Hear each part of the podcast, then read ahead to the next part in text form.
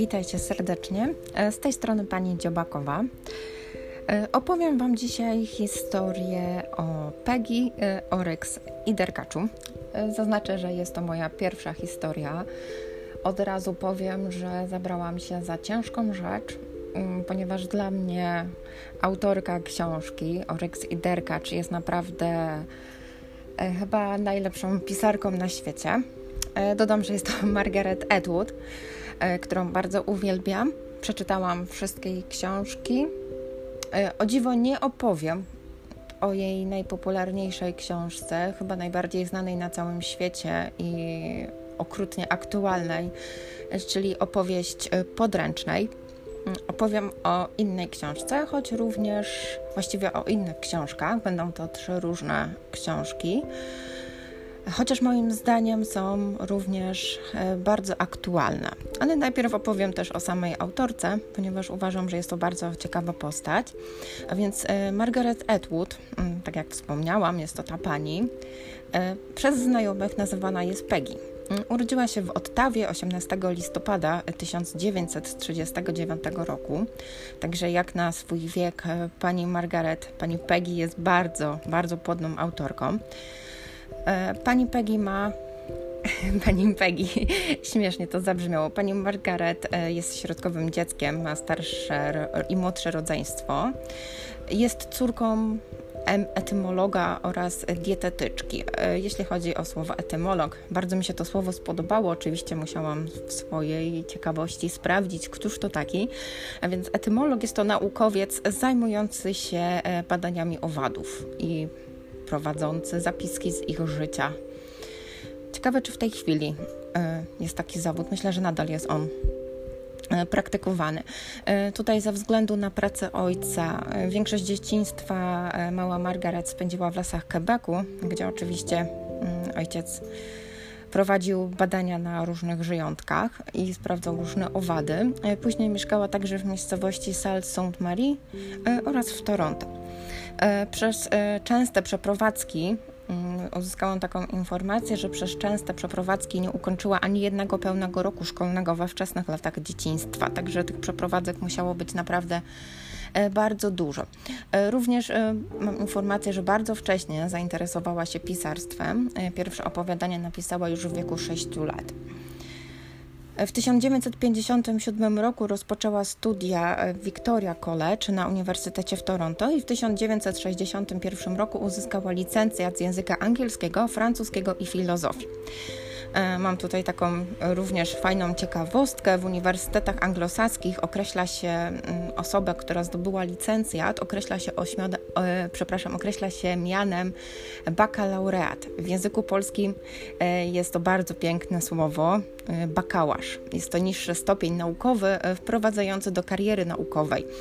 E, ten tytuł stosowany był już od średniowiecza e, i został zachowany w wielu systemach kształcenia, tak jak wspomniałam, w uniwersytetach anglosaskich, e, na przykład w USA, w Kanadzie oraz również w Kościele katolickim. W 1961 roku Margaret wydała tomik poezji. Tomik był zatytułowany Double Persephone. Jeśli chodzi o tytuł, prawdopodobnie był to tomik w języku angielskim. I otrzymała za niego e, medal imienia E.J. Pratt. E, Tomik, e, jeszcze taka ciekawostka, Tomik wydała własnym sumptem. Następnie rozpoczęła studia podyplomowe na Harvardzie, także już jest poziom na pewno wyższy, wyższa liga. Harvard oczywiście należy do tak zwanej Ivy League, czyli Ligi Bluszczowej w Stanach Zjednoczonych. Studiowała w Radcliffe, w Radcliffe College, otrzymała również stypendium Woodrowa Wilsona. Woodrow Wilson był prezydentem USA. Niestety nie, nie sprawdziłam którym. W 1962 roku uzyskała tytuł magisterski i studiowała następne dwa lata, ale nie odebrała dyplomu doktorskiego. Mimo to wykładała na takich uczelniach jak University of British Columbia w 1965 roku, Sir George William University w Montrealu w latach 1967-1968, University of Alberta 1969-1979 Również wykładała na York University w Toronto w 1971 roku do 1972 roku i New York University, gdzie była profesorem angielskiego. I tak jak wspomniałam na samym początku e, tego podcastu, najbardziej znana jest z antyutopijnej powieści opowieść podręcznej, e, która, tak jak wspomniałam, jest bardzo aktualna w tej chwili, mm, oraz jednej również z moich ulubionych książek, Grace i Grace. E, serial jest dostępny na Netflixie, także polecam, jeżeli ktoś jest ciekawy, uwielbia seriale kostiumowe przede wszystkim oraz o bardzo zawiłej tematyce, to, to bardzo polecam. Także wróćmy teraz do książek, które chciałabym opisać. E, książki, moim zdaniem, jedna chyba z najlepszych, jakie pani Atwood napisała, jest to trylogia e, Matt Adam.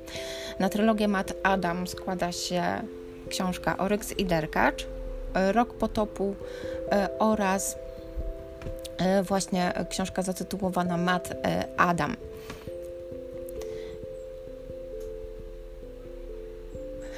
Jeśli chodzi o akcję trylogii, e, dzieje się ona w niebezpiecznej, e, postapokaliptycznej rzeczywistości, e, która powstała w wyniku zarazy, która opanowała cały świat. W nieodległej przyszłości jednym z nielicznych ocalałych jest Yeti, główny bohater książki Oryx i Derkacz, który stara się rozwiązać tajemnicę istnienia. Po prostu pan Yeti chodzi sobie po świecie, zadaje sobie równie egzystencjonalne pytania, ale jest w tym jakaś taka pasja, w ogóle sposób opisywania przez panią Margaret jest niesamowity.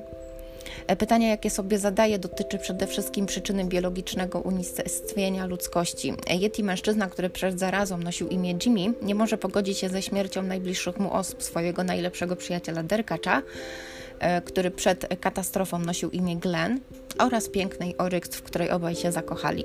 E, w trakcie całej powieści poznajemy również losy innych bohaterów, oprócz wspomnianego wcześniej Derkacza, przyjaciela z młodości Yetiego, którego pasja do genetyki e, spowodowała szereg kontrowersyjnych, ryzykownych wydarzeń oraz Oryx, tajemniczej kobiety z południowo-wschodniej części Azji.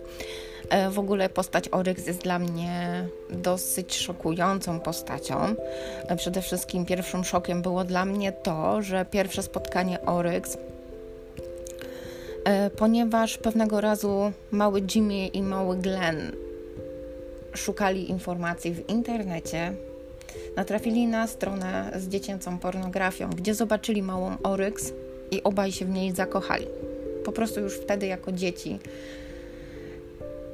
zakochali się w tym biednej dziewczynce, która widniała na tych zdjęciach.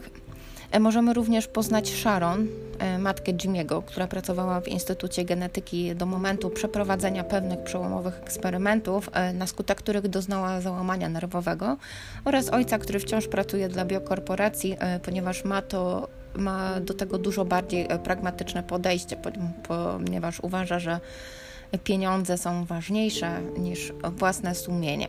Losy przyjaciół potoczą się odmiennie. Jimmy skończy pogardzaną uczelnię humanistyczną, a Derkacz najbardziej prestiżową, wyspecjalizowaną w naukach ścisłych. Glenn stopniowo przemieni się w szalonego naukowca. Postanowi wcielić w życie ideę zastąpienia zagrażającej sobie samej i planecie ludzkości jej poprawioną genetycznie wersją, wmanewrowując w ten plan nieświadomego niczego Jimmy'ego i powstają tak zwane dzieci Derkacza. Mm, postacie bardzo mgliste, które pojawiają się od czasu do czasu w całej książce, które są w ogóle bardzo tajemnicze, mają bardzo tajemnicze przekonania, właściwie podążają za ludźmi, traktują ludzi jak bogów. Druga część trylogii, która moim zdaniem jest chyba jedną z najlepszych środkowych części trylogii, jakie można sobie wyobrazić. To właściwie ta sama historia, czyli opowieść o zagładzie, opowieść o życiu po tej zagładzie, e, tyle że widziana jest ona oczami dwóch przyjaciółek, e, Tobi i Ren z ekologicznej wspólnoty. E, obie panie mm, przez przypadek przetrwały zagładę ludzkości. Obie należały do organizacji tak zwanych bożych ogrodników, w której oddaje się część stwórcy i naturze, a takie uczucia jak zazdrość czy nienawiść są zakazane i nikt oprócz ich dwóch nie przeżył. Boży ogrodnicy zdeklarowani wegetarianie odwrócili się od cywilizacji i tego, kto im reprezentował, skorumpowanej i tajnej policji, od świata skażonego przez modyfikacje genetyczne, środki chemiczne i niezdrową żywność. Wszystko jednak ma swoją cenę. Kiedy trzeba zacząć budować świat od nowa, okazuje się, że tylko siła miłości i przyjaźni warta jest tego, by przetrwać. Część druga, y, Rok potopu, skupia się bardziej na krajobrazie przed tragedią, głównie na negatywnych skutkach y, rozwoju technicznego i niepiętnowanych patologiach społecznych, w tym kluczowej w całej twórczości Edward przemocy wobec kobiet, czyli pośrednich powodach apokalipsy. I w tej sytuacji przechodzimy już do trzeciej części, czyli Roku potopu, przepraszam, trzeciej części Matt Adam. E, w serii, e, jeśli chodzi o Matt Adam, moim zdaniem jest to chyba najlepsza część e, z tej trylogii, z tych trzech książek. I jeśli chodzi o Matt Adam, tutaj poznajemy historię Zeba.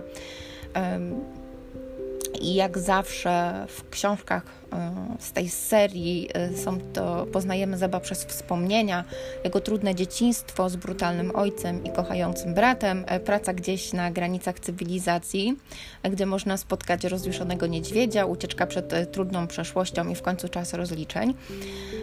Tutaj można dostrzec takie ekologiczne ostrzeżenia, tak e, częste w Oryksie i Derkaczu zostały w Mat Adamie również przedstawione, tyle że bardziej dosadniej.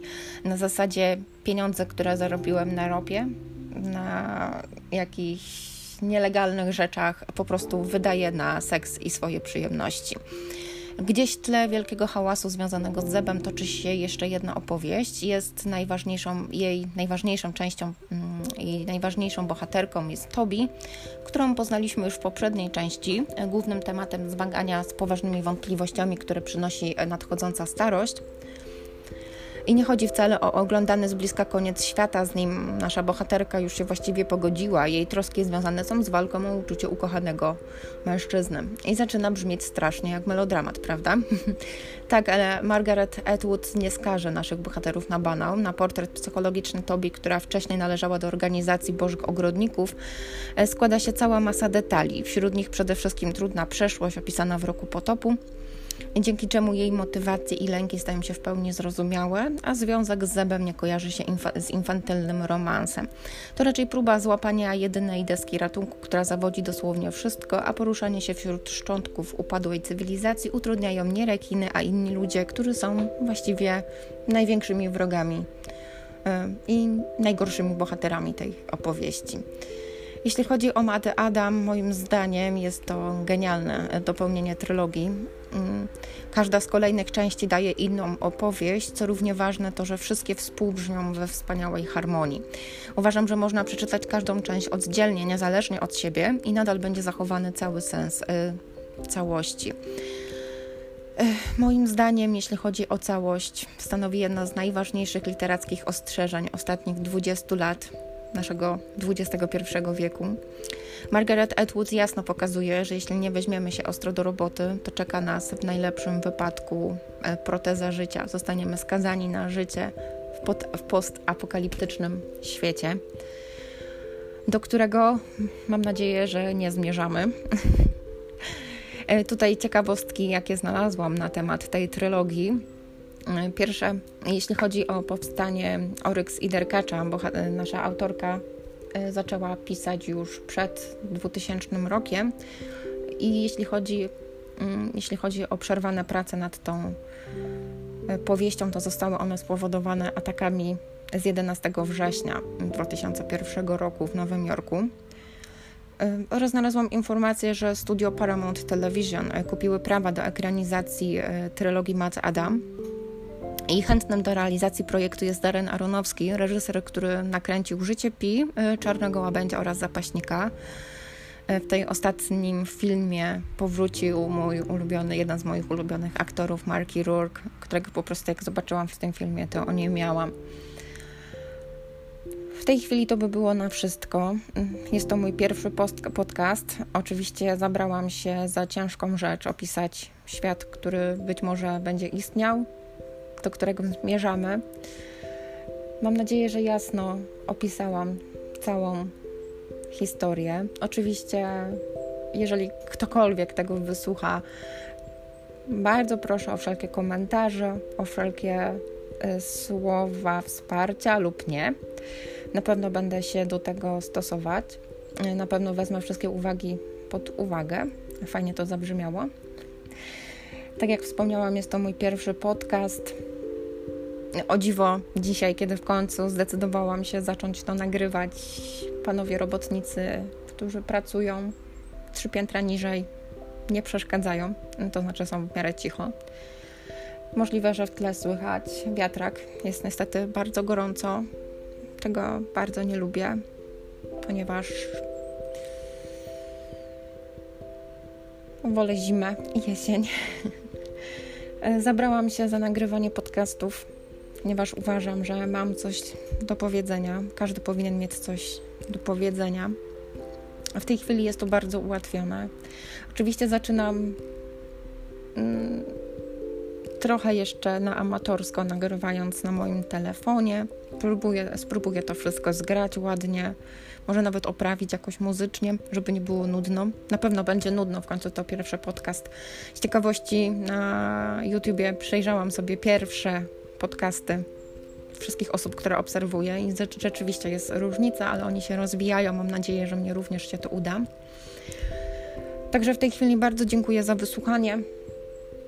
E, myślę, że było ciekawie, bo starałam się przynajmniej, żeby było ciekawie.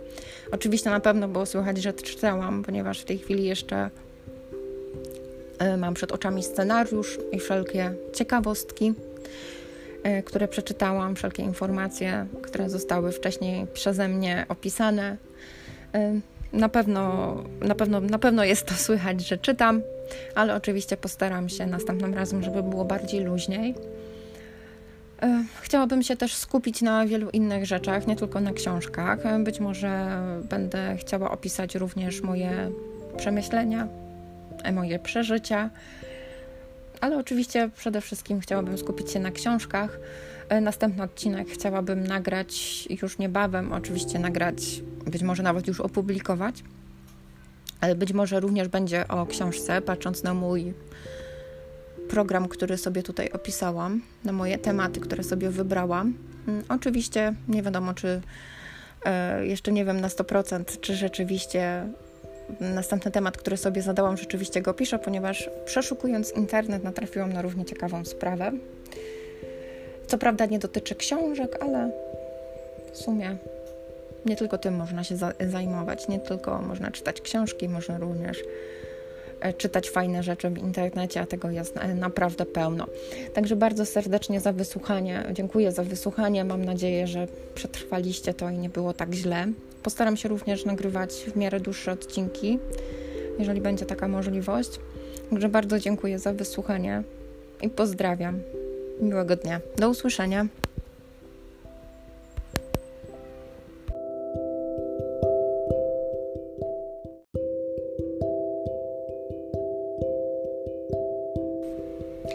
Witajcie serdecznie. E, z tej strony pani Dziobakowa. E, opowiem Wam dzisiaj historię o Peggy, e, Oryx i Derkaczu.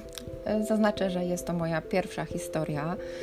Od razu powiem, że zabrałam się za ciężką rzecz, mm, ponieważ dla mnie autorka książki Oryx i Derkacz jest naprawdę chyba najlepszą pisarką na świecie. Dodam, że jest to Margaret Atwood. E, którą bardzo uwielbiam. Przeczytałam wszystkie jej książki. E, o dziwo nie opowiem o jej najpopularniejszej książce, chyba najbardziej znanej na całym świecie i okrutnie aktualnej, e, czyli opowieść podręcznej. Mm, opowiem o innej książce, choć również właściwie o innych książkach. Będą to trzy różne książki chociaż moim zdaniem są również e, bardzo aktualne. Ale najpierw opowiem też o samej autorce, ponieważ uważam, że jest to bardzo ciekawa postać. A więc e, Margaret Atwood, mm, tak jak wspomniałam, jest to ta pani, e, przez znajomych nazywana jest Peggy. Mm, urodziła się w Ottawie 18 listopada 1939 roku, także jak na swój wiek pani Margaret, pani Peggy jest bardzo, bardzo płodną autorką. E, pani Peggy ma Pani Peggy, śmiesznie to zabrzmiało. Pani Margaret e, jest środkowym dzieckiem, ma starsze i młodsze rodzeństwo. Jest córką etymologa oraz dietetyczki. Jeśli chodzi o słowo etymolog, bardzo mi się to słowo spodobało. Oczywiście musiałam w swojej ciekawości sprawdzić, któż to taki. A więc etymolog jest to naukowiec zajmujący się badaniami owadów i prowadzący zapiski z ich życia. Ciekawe, czy w tej chwili jest taki zawód. Myślę, że nadal jest on E, praktykowany.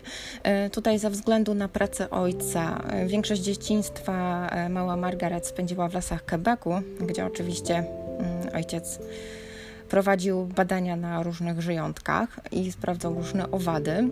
Później mieszkała także w miejscowości Salle-Sainte-Marie oraz w Toronto. Przez częste przeprowadzki Mm, uzyskałam taką informację, że przez częste przeprowadzki nie ukończyła ani jednego pełnego roku szkolnego we wczesnych latach dzieciństwa, także tych przeprowadzek musiało być naprawdę e, bardzo dużo. E, również e, mam informację, że bardzo wcześnie zainteresowała się pisarstwem. Pierwsze opowiadanie napisała już w wieku 6 lat. W 1957 roku rozpoczęła studia w Victoria College na Uniwersytecie w Toronto i w 1961 roku uzyskała licencjat z języka angielskiego, francuskiego i filozofii. E, mam tutaj taką również fajną ciekawostkę. W uniwersytetach anglosaskich określa się mm, osobę, która zdobyła licencjat, określa się, ośmiode, e, przepraszam, określa się mianem bakalaureat. W języku polskim e, jest to bardzo piękne słowo bakałasz. Jest to niższy stopień naukowy wprowadzający do kariery naukowej. E, ten tytuł stosowany był już od średniowiecza e, i został zachowany w wielu systemach kształcenia, tak jak wspomniałam, w uniwersytetach anglosaskich, e, na przykład w USA, w Kanadzie oraz również w Kościele katolickim. W 1961 roku Margaret wydała tomik poezji. Tomik był zatytułowany Double Persephone. Jeśli chodzi o tytuł, prawdopodobnie był to tomik w języku angielskim.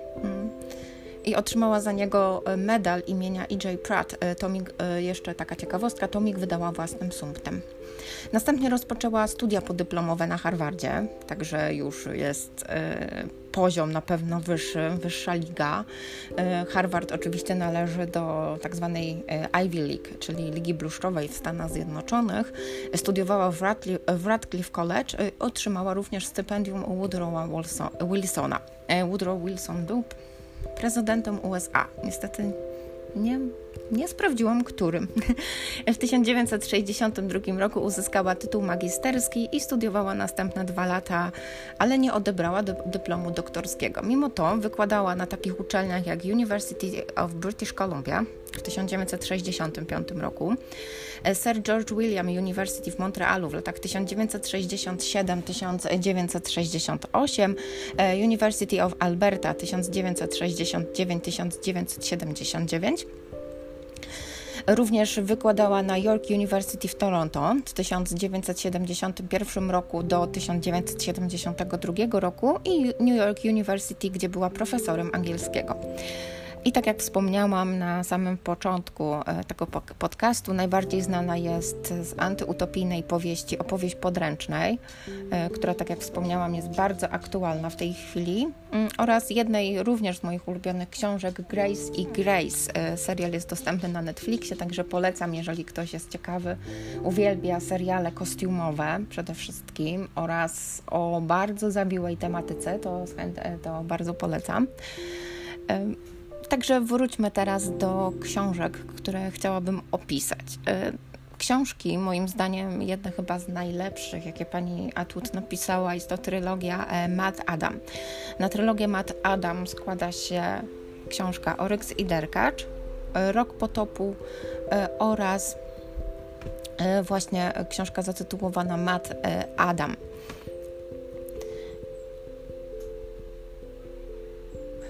Jeśli chodzi o akcję trylogii, e, dzieje się ona w niebezpiecznej, e, postapokaliptycznej rzeczywistości, e, która powstała w wyniku zarazy, która opanowała cały świat. W nieodległej przyszłości jednym z nielicznych ocalałych jest Yeti, główny bohater książki Oryx i Derkacz, który stara się rozwiązać tajemnicę istnienia. Po prostu pan Yeti chodzi sobie po świecie, zadaje sobie równie egzystencjonalne pytania, ale jest w tym jakaś taka pasja, w ogóle sposób opisywania przez panią Margaret jest niesamowity. Pytanie, jakie sobie zadaje, dotyczy przede wszystkim przyczyny biologicznego unicestwienia ludzkości. Yeti, mężczyzna, który przed zarazą nosił imię Jimmy, nie może pogodzić się ze śmiercią najbliższych mu osób, swojego najlepszego przyjaciela Derkacza, E, który przed katastrofą nosił imię Glenn, oraz pięknej Oryx, w której obaj się zakochali. E, w trakcie całej powieści poznajemy również losy innych bohaterów, oprócz wspomnianego wcześniej Derkacza, przyjaciela z młodości Yetiego, którego pasja do genetyki e, spowodowała szereg kontrowersyjnych, ryzykownych wydarzeń oraz Oryx, tajemniczej kobiety z południowo-wschodniej części Azji. W ogóle postać Oryx jest dla mnie dosyć szokującą postacią. Przede wszystkim pierwszym szokiem było dla mnie to, że pierwsze spotkanie Oryx e, ponieważ pewnego razu mały Jimmy i mały Glenn szukali informacji w internecie, natrafili na stronę z dziecięcą pornografią, gdzie zobaczyli małą Oryx i obaj się w niej zakochali. Po prostu już wtedy, jako dzieci, zakochali się w tym biednej dziewczynce, która widniała na tych zdjęciach. E, możemy również poznać Sharon, e, matkę Jimiego, która pracowała w Instytucie Genetyki do momentu przeprowadzenia pewnych przełomowych eksperymentów, e, na skutek których doznała załamania nerwowego, oraz ojca, który wciąż pracuje dla biokorporacji, ponieważ ma to ma do tego dużo bardziej pragmatyczne podejście, ponieważ uważa, że pieniądze są ważniejsze niż własne sumienie. Losy przyjaciół potoczą się odmiennie. Jimmy skończy pogardzaną uczelnię humanistyczną, a Derkacz najbardziej prestiżową, wyspecjalizowaną w naukach ścisłych. Glenn stopniowo przemieni się w szalonego naukowca. Postanowi wcielić w życie ideę zastąpienia zagrażającej sobie samej i planecie ludzkości jej poprawioną genetycznie wersją, wmanewrowując w ten plan nieświadomego niczego Jimmy'ego i powstają tak zwane dzieci Derkacza. Mm, postacie bardzo mgliste, które pojawiają się od czasu do czasu w całej książce, które są w ogóle bardzo tajemnicze, mają bardzo tajemnicze przekonania, właściwie podążają za ludźmi, traktują ludzi jak bogów. Druga część trylogii, która moim zdaniem jest chyba jedną z najlepszych środkowych części trylogii, jakie można sobie wyobrazić. To właściwie ta sama historia, czyli opowieść o zagładzie, opowieść o życiu po tej zagładzie, e, tyle że widziana jest ona oczami dwóch przyjaciółek, e, Tobi i Ren z ekologicznej wspólnoty. E, obie panie przez przypadek przetrwały zagładę ludzkości. Obie należały do organizacji tak zwanych bożych ogrodników, w której oddaje się część stwórcy i naturze, a takie uczucia jak zazdrość czy nienawiść są zakazane i nikt oprócz ich dwóch nie przeżył. Boży ogrodnicy zdeklarowani wegetarianie odwrócili się od cywilizacji i tego, kto im reprezentował, skorumpowany i tajnej policji, od świata skażonego przez modyfikacje genetyczne, środki chemiczne i niezdrową żywność. Wszystko jednak ma swoją cenę. Kiedy trzeba zacząć budować świat od nowa, okazuje się, że tylko siła miłości i przyjaźni warta jest tego, by przetrwać. Część druga, mm, Rok potopu, skupia się bardziej na krajobrazie przed tragedią, głównie na negatywnych skutkach e, rozwoju technicznego i niepiętnowanych patologiach społecznych, w tym kluczowej w całej twórczości Edward przemocy wobec kobiet, czyli pośrednich e, powodach apokalipsy. I w tej sytuacji przechodzimy już do trzeciej części, czyli roku potopu. E, przepraszam, trzeciej części Matt Adam. W serii, jeśli chodzi o Matt Adam, moim zdaniem jest to chyba najlepsza część z tej trylogii, z tych trzech książek. I jeśli chodzi o Matt Adam, tutaj poznajemy historię Zeba i jak zawsze w książkach z tej serii e, są to, poznajemy Zeba przez wspomnienia, jego trudne dzieciństwo z brutalnym ojcem i kochającym bratem, e, praca gdzieś na granicach cywilizacji, gdzie można spotkać rozjuszonego niedźwiedzia, ucieczka przed trudną przeszłością i w końcu czas rozliczeń. Tutaj można dostrzec takie ekologiczne ostrzeżenia, tak częste w Oryksie i Derkaczu zostały w Mat Adamie również przedstawione, tyle że bardziej dosadniej. Na zasadzie pieniądze, które zarobiłem na ropie, na jakichś nielegalnych rzeczach, po prostu wydaję na seks i swoje przyjemności. Gdzieś w tle wielkiego hałasu związanego z Zebem toczy się jeszcze jedna opowieść. Jest najważniejszą, jej najważniejszą częścią mm, najważniejszą bohaterką jest Tobi, którą poznaliśmy już w poprzedniej części. Głównym tematem zmagania z poważnymi wątpliwościami, które przynosi nadchodząca starość I nie chodzi wcale o oglądany z bliska koniec świata, z nim nasza bohaterka już się właściwie pogodziła. Jej troski związane są z walką o uczucie ukochanego mężczyzny. I zaczyna brzmieć strasznie jak melodramat, prawda? tak, ale Margaret Atwood nie skaże naszych bohaterów na banał. Na portret psychologiczny Tobi, która wcześniej należała do organizacji Bożych Ogrodników, e, składa się cała masa detali. Wśród nich przede wszystkim trudna przeszłość opisana w roku potopu, dzięki czemu jej motywacje i lęki stają się w pełni zrozumiałe, a związek z Zebem nie kojarzy się z infantylnym romansem. To raczej próba złapania jedynej deski ratunku, która zawodzi dosłownie wszystko, a poruszanie się wśród szczątków upadłej cywilizacji utrudniają nie rekiny, a inni ludzie, którzy są właściwie największymi wrogami yy, i najgorszymi bohaterami tej opowieści. Jeśli chodzi o Mady Adam, moim zdaniem jest to genialne dopełnienie trylogii. Mm, każda z kolejnych części daje inną opowieść, co równie ważne to, że wszystkie współbrzmią we wspaniałej harmonii. Uważam, że można przeczytać każdą część oddzielnie, niezależnie od siebie i nadal będzie zachowany cały sens y, całości. Y, moim zdaniem, jeśli chodzi o całość, stanowi jedno z najważniejszych literackich ostrzeżeń ostatnich 20 lat naszego XXI wieku. Margaret Atwood jasno pokazuje, że jeśli nie weźmiemy się ostro do roboty, to czeka nas w najlepszym wypadku e, proteza życia. Zostaniemy skazani na życie w, w postapokaliptycznym świecie, do którego mam nadzieję, że nie zmierzamy. E, tutaj ciekawostki, jakie znalazłam na temat tej trylogii. E, pierwsze, jeśli chodzi o powstanie Oryx i Derkacza, bo nasza autorka zaczęła pisać już przed 2000 rokiem.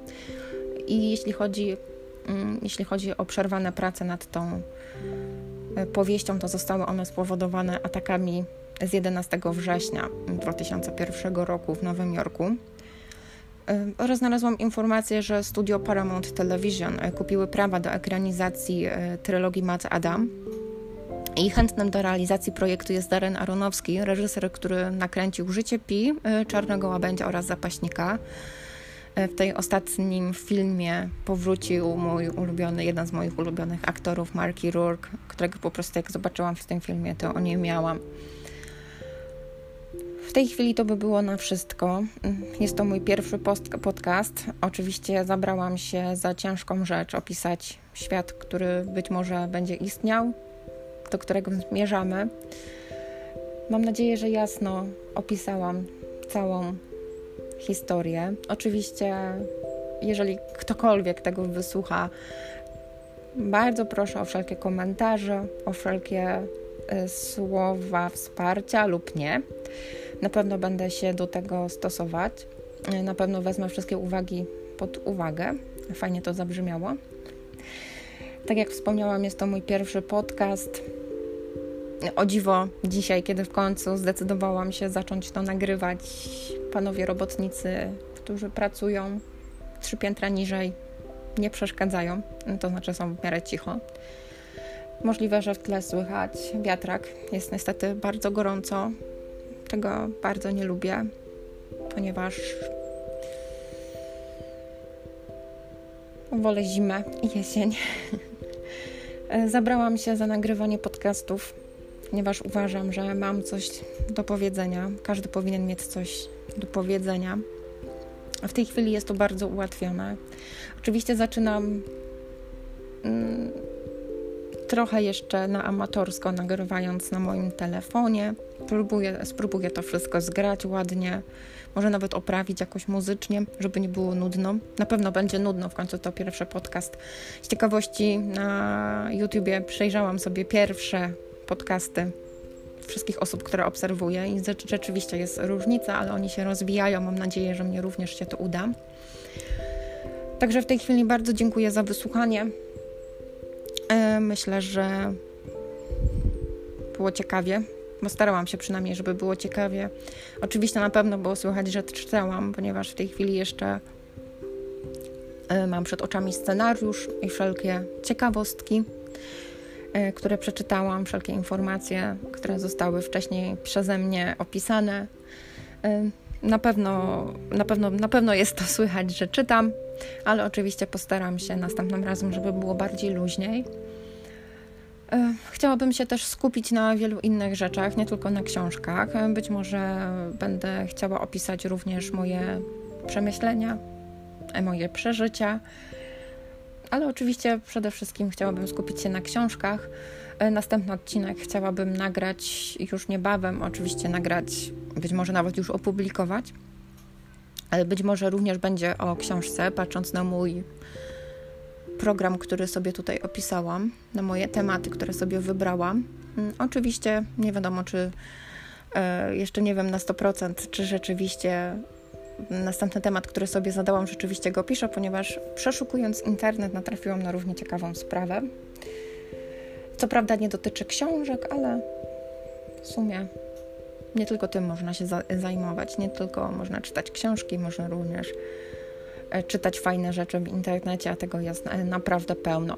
Także bardzo serdecznie za wysłuchanie. Dziękuję za wysłuchanie. Mam nadzieję, że przetrwaliście to i nie było tak źle. Postaram się również nagrywać w miarę dłuższe odcinki, jeżeli będzie taka możliwość. Także bardzo dziękuję za wysłuchanie i pozdrawiam. Miłego dnia. Do usłyszenia.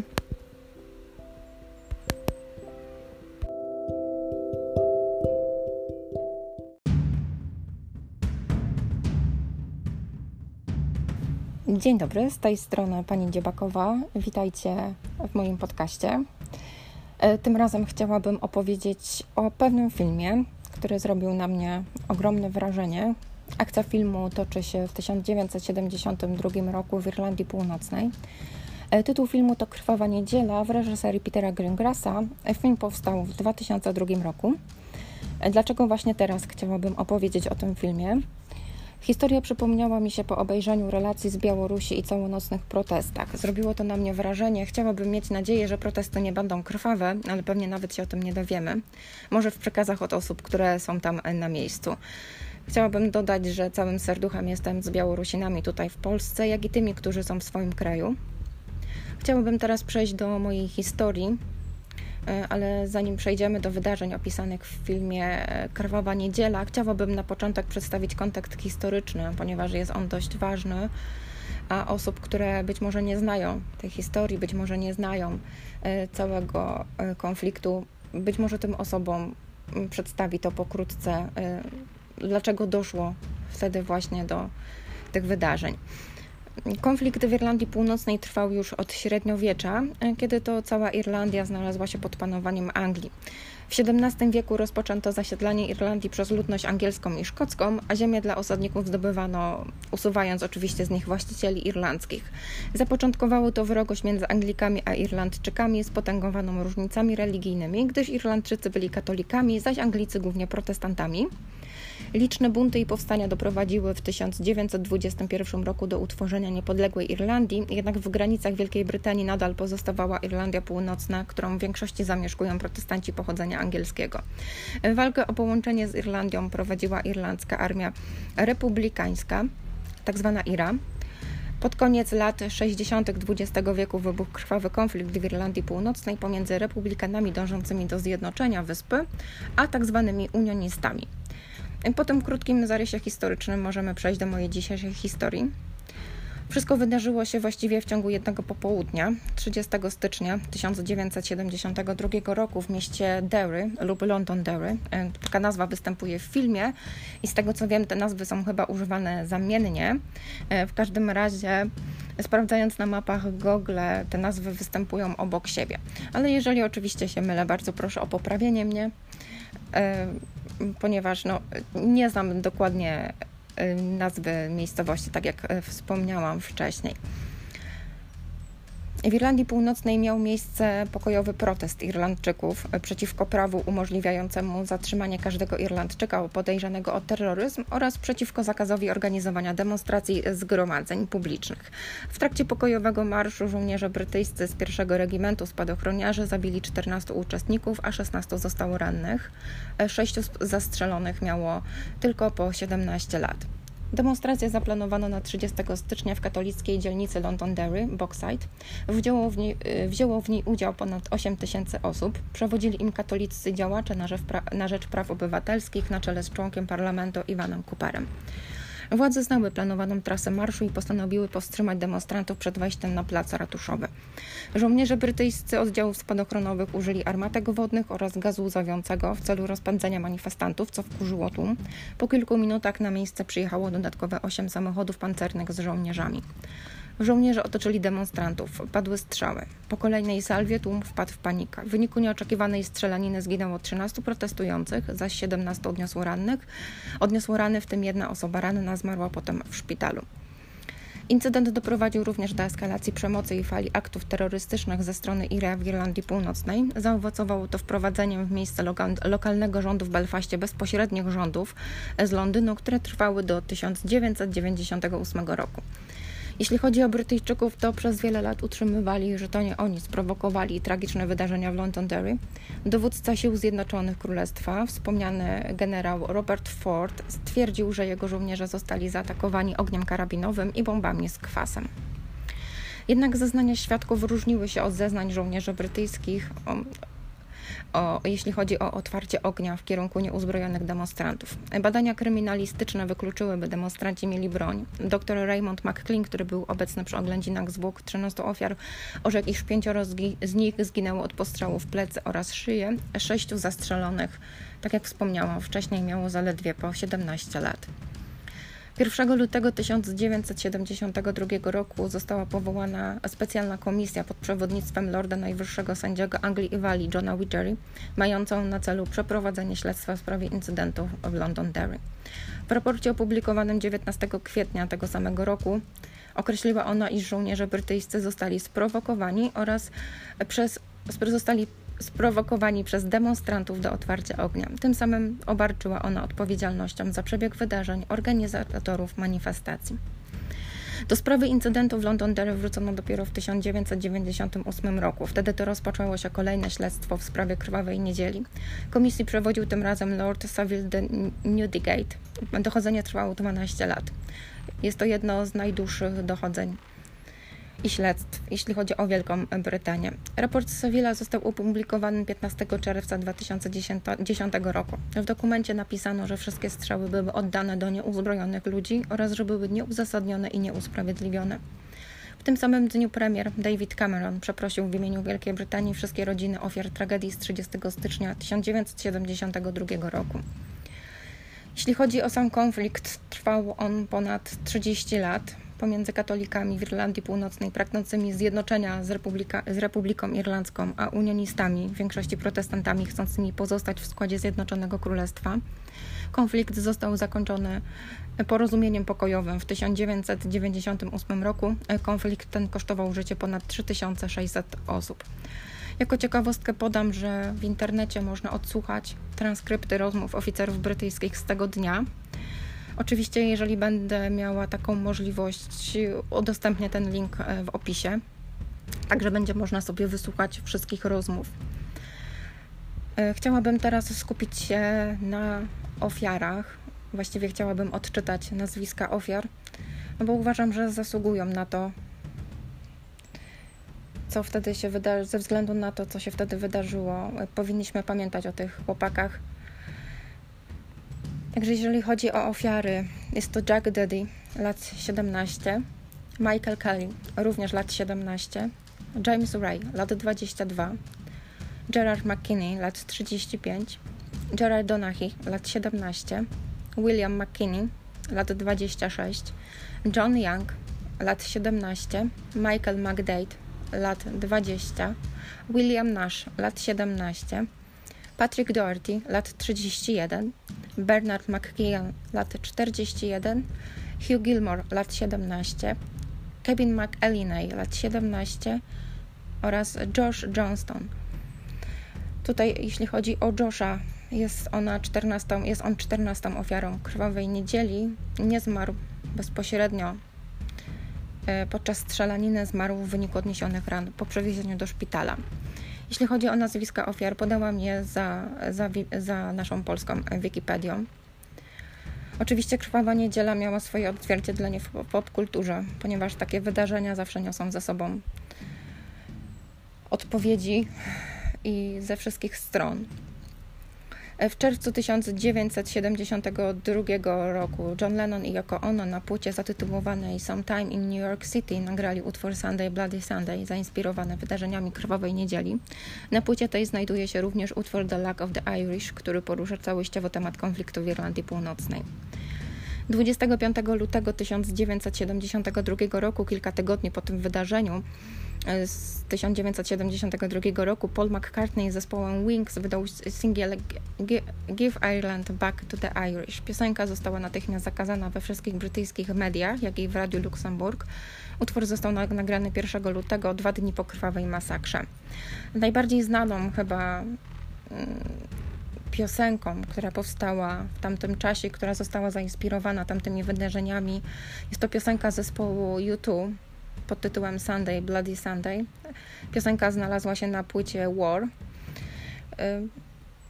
utwór odnosząc, odnosi się do wydarzeń z tego dnia i pomimo licznych zapewnień członków zespołu, że piosenka jest pacyfistyczna, nie ma na celu nawoływania do walki, część radykałów z Irlandzkiej Armii Republikańskiej posługuje się nią jako hymnem. I taką ciekawostkę wyczytałam. Jeśli chodzi zaś o sam film z 2020 roku, zdobył on kilka europejskich nagród filmowych Między innymi zdobył nagrodę BAFTA w 2003 roku, nagrodę Berlinare w 2002 roku za najlepszą reżyserię i najlepszy film na festiwalu oraz cztery nominacje Europejskiej Akademii Filmowej za reżyserię, za najlepszy film oraz, za scenariusz. Bardzo dziękuję za wysłuchanie dzisiejszej historii. Jest ona oczywiście o tyle. Um, znaczy, starałam się ją przedstawić w miarę um, przejrzysty sposób. Oczywiście wydarzenia, które doprowadziły do tej tragedii, pewnie ich nigdy nie poznamy. Tak jak wspomniałam, można odsłuchać w internecie transkrypty rozmów żołnierzy z tamtego dnia. Bardzo dziękuję za wysłuchanie tego podcastu. Nadal nagrywam w bardzo gorący dzień, w tle może być słychać e, na mój wiatrak. Mam nadzieję, że hałasy z zewnątrz za bardzo Wam nie przeszkadzają. Mam obok przedszkole i czasami słychać dzieci, które się bawią w ogródku. Co mnie trochę pociesza, że dzieci nadal mogą się bawić na zewnątrz mimo szalejącej epidemii. Mam nadzieję, że ten odcinek był choć odrobinę lepszy od tego pierwszego. Mam nadzieję, że mniej słychać to, że czytam, chociaż staram się bardzo, mm, żeby to brzmiało jak najbardziej naturalnie. Mam nadzieję, że taka tematyka Wam się podoba. Chciałabym dalej opisywać lub chociaż zachęcać do czytania książek. Oczywiście, tych, oczywiście każdy, lubi, każdy ma swój ulubiony gatunek e, książek, ale myślę, że te, które będę tutaj przedstawiać, jakoś wywarły wrażenie na mnie, być może wywrą również wrażenie na Was. Oczywiście czytam też inne rzeczy, bardziej lekkie. Jeśli chodzi o filmy, to również, mm, owszem, film z Krwawa Niedziela znajduje się chyba w pierwszej dziesiątce, Możliwe też, że tak było, ponieważ możliwe też, że tak jest, że znajduje się w pierwszej dziesiątce, ponieważ obejrzałam go bardzo dawno temu, nie wracałam do niego. E, moim zdaniem jest zbyt realistyczny, chociaż nie wiem, czy film może być, realiz- może być zbyt realistyczny. Jest to kino bardzo ambitne, moim zdaniem ale myślę, że warto oglądać takie filmy, ponieważ mogą nam przedstawić pewne wydarzenia. Wiadomo, że jest to przedstawione być e, prawdopodobnie tylko z jednej strony, ale jeśli chodzi o film, naprawdę zrobił na mnie ogromne wrażenie. Obejrzałam go w wieku chyba 19 lub 20 lat, dlatego też y, mogłam zidentyfikować się z, z ofiarami jakoś, w jakiś sposób. Możliwe też, że dlatego wywarł na mnie takie wrażenie, ponieważ uświadomiłam sobie, że sama mam 20 lat. Wtedy żyłam i żyję nadal w wolnym kraju i takie rzeczy już nas nie dotyczą. Mam nadzieję. Oczywiście trzymajcie się ciepło, mm, uważajcie na siebie w tych, o, w tych okropnych czasach i do usłyszenia.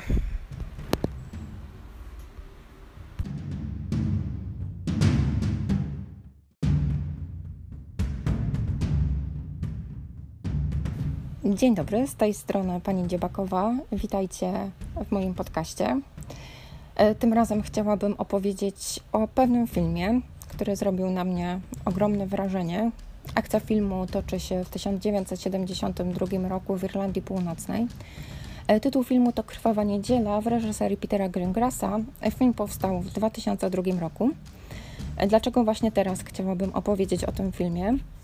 Historia przypomniała mi się po obejrzeniu relacji z Białorusi i całonocnych protestach. Zrobiło to na mnie wrażenie. Chciałabym mieć nadzieję, że protesty nie będą krwawe, ale pewnie nawet się o tym nie dowiemy. Może w przekazach od osób, które są tam na miejscu. Chciałabym dodać, że całym serduchem jestem z Białorusinami tutaj w Polsce, jak i tymi, którzy są w swoim kraju. Chciałabym teraz przejść do mojej historii, ale zanim przejdziemy do wydarzeń opisanych w filmie e, Krwawa Niedziela, chciałabym na początek przedstawić kontekst historyczny, ponieważ jest on dość ważny, a osób, które być może nie znają tej historii, być może nie znają e, całego konfliktu, być może tym osobom przedstawi to pokrótce, dlaczego doszło wtedy właśnie do tych wydarzeń. Konflikt w Irlandii Północnej trwał już od średniowiecza, kiedy to cała Irlandia znalazła się pod panowaniem Anglii. W XVII wieku rozpoczęto zasiedlanie Irlandii przez ludność angielską i szkocką, a ziemię dla osadników zdobywano, usuwając oczywiście z nich właścicieli irlandzkich. Zapoczątkowało to wrogość między Anglikami a Irlandczykami spotęgowaną różnicami religijnymi, gdyż Irlandczycy byli katolikami, zaś Anglicy głównie protestantami. Liczne bunty i powstania doprowadziły w 1921 roku do utworzenia niepodległej Irlandii, jednak w granicach Wielkiej Brytanii nadal pozostawała Irlandia Północna, którą w większości zamieszkują protestanci pochodzenia angielskiego. Walkę o połączenie z Irlandią prowadziła irlandzka armia republikańska, tak zwana IRA, pod koniec lat 60. XX wieku wybuchł krwawy konflikt w Irlandii Północnej pomiędzy republikanami dążącymi do zjednoczenia wyspy, a tak zwanymi unionistami. Po tym krótkim zarysie historycznym możemy przejść do mojej dzisiejszej historii. Wszystko wydarzyło się właściwie w ciągu jednego popołudnia, 30 stycznia 1972 roku w mieście Derry lub London Derry. E, taka nazwa występuje w filmie i z tego co wiem, te nazwy są chyba używane zamiennie. E, w każdym razie, sprawdzając na mapach Google, te nazwy występują obok siebie. Ale jeżeli oczywiście się mylę, bardzo proszę o poprawienie mnie. E, ponieważ no, nie znam dokładnie y, nazwy miejscowości, tak jak y, wspomniałam wcześniej. W Irlandii Północnej miał miejsce pokojowy protest Irlandczyków przeciwko prawu umożliwiającemu zatrzymanie każdego Irlandczyka podejrzanego o terroryzm oraz przeciwko zakazowi organizowania demonstracji zgromadzeń publicznych. W trakcie pokojowego marszu żołnierze brytyjscy z pierwszego regimentu spadochroniarzy zabili 14 uczestników, a 16 zostało rannych. Sześciu zastrzelonych miało tylko po 17 lat. Demonstrację zaplanowano na 30 stycznia w katolickiej dzielnicy Londonderry, Boxside. Wzięło w, niej, y, wzięło w niej udział ponad 8 tysięcy osób. Przewodzili im katolicy działacze na rzecz, na rzecz praw obywatelskich na czele z członkiem parlamentu Iwanem Cooperem. Władze znały planowaną trasę marszu i postanowiły powstrzymać demonstrantów przed wejściem na plac ratuszowy.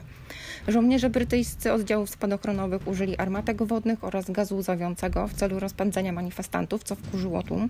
Po kilku minutach na miejsce przyjechało dodatkowe osiem samochodów pancernych z żołnierzami. Żołnierze otoczyli demonstrantów. Padły strzały. Po kolejnej salwie tłum wpadł w panikę. W wyniku nieoczekiwanej strzelaniny zginęło 13 protestujących, zaś 17 odniosło rannych. Odniosło rany, w tym jedna osoba ranna zmarła potem w szpitalu. Incydent doprowadził również do eskalacji przemocy i fali aktów terrorystycznych ze strony IRA w Irlandii Północnej. Zaowocowało to wprowadzeniem w miejsce lokalnego rządu w Belfaście bezpośrednich rządów z Londynu, które trwały do 1998 roku. Jeśli chodzi o Brytyjczyków, to przez wiele lat utrzymywali, że to nie oni sprowokowali tragiczne wydarzenia w Londonderry.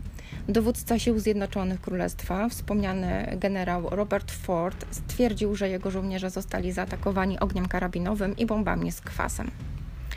Jednak zeznania świadków różniły się od zeznań żołnierzy brytyjskich o, jeśli chodzi o otwarcie ognia w kierunku nieuzbrojonych demonstrantów. Badania kryminalistyczne wykluczyły, by demonstranci mieli broń. Dr Raymond McClean, który był obecny przy oględzinach zwłok 13 ofiar, orzekł, iż pięcioro z nich zginęło od postrzału w plecy oraz szyję, sześciu zastrzelonych, tak jak wspomniałam wcześniej, miało zaledwie po 17 lat.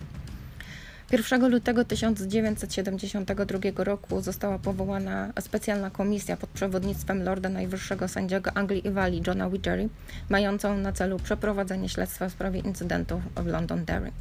W raporcie opublikowanym 19 kwietnia tego samego roku Określiła ona, iż żołnierze brytyjscy zostali sprowokowani oraz przez, zostali sprowokowani przez demonstrantów do otwarcia ognia. Tym samym obarczyła ona odpowiedzialnością za przebieg wydarzeń organizatorów manifestacji. Do sprawy incydentu w Londonderry wrócono dopiero w 1998 roku. Wtedy to rozpoczęło się kolejne śledztwo w sprawie krwawej niedzieli. Komisji przewodził tym razem Lord Savile de Newdigate. Dochodzenie trwało 12 lat. Jest to jedno z najdłuższych dochodzeń i śledztw, jeśli chodzi o Wielką Brytanię. Raport Sevilla został opublikowany 15 czerwca 2010 roku. W dokumencie napisano, że wszystkie strzały były oddane do nieuzbrojonych ludzi oraz że były nieuzasadnione i nieusprawiedliwione.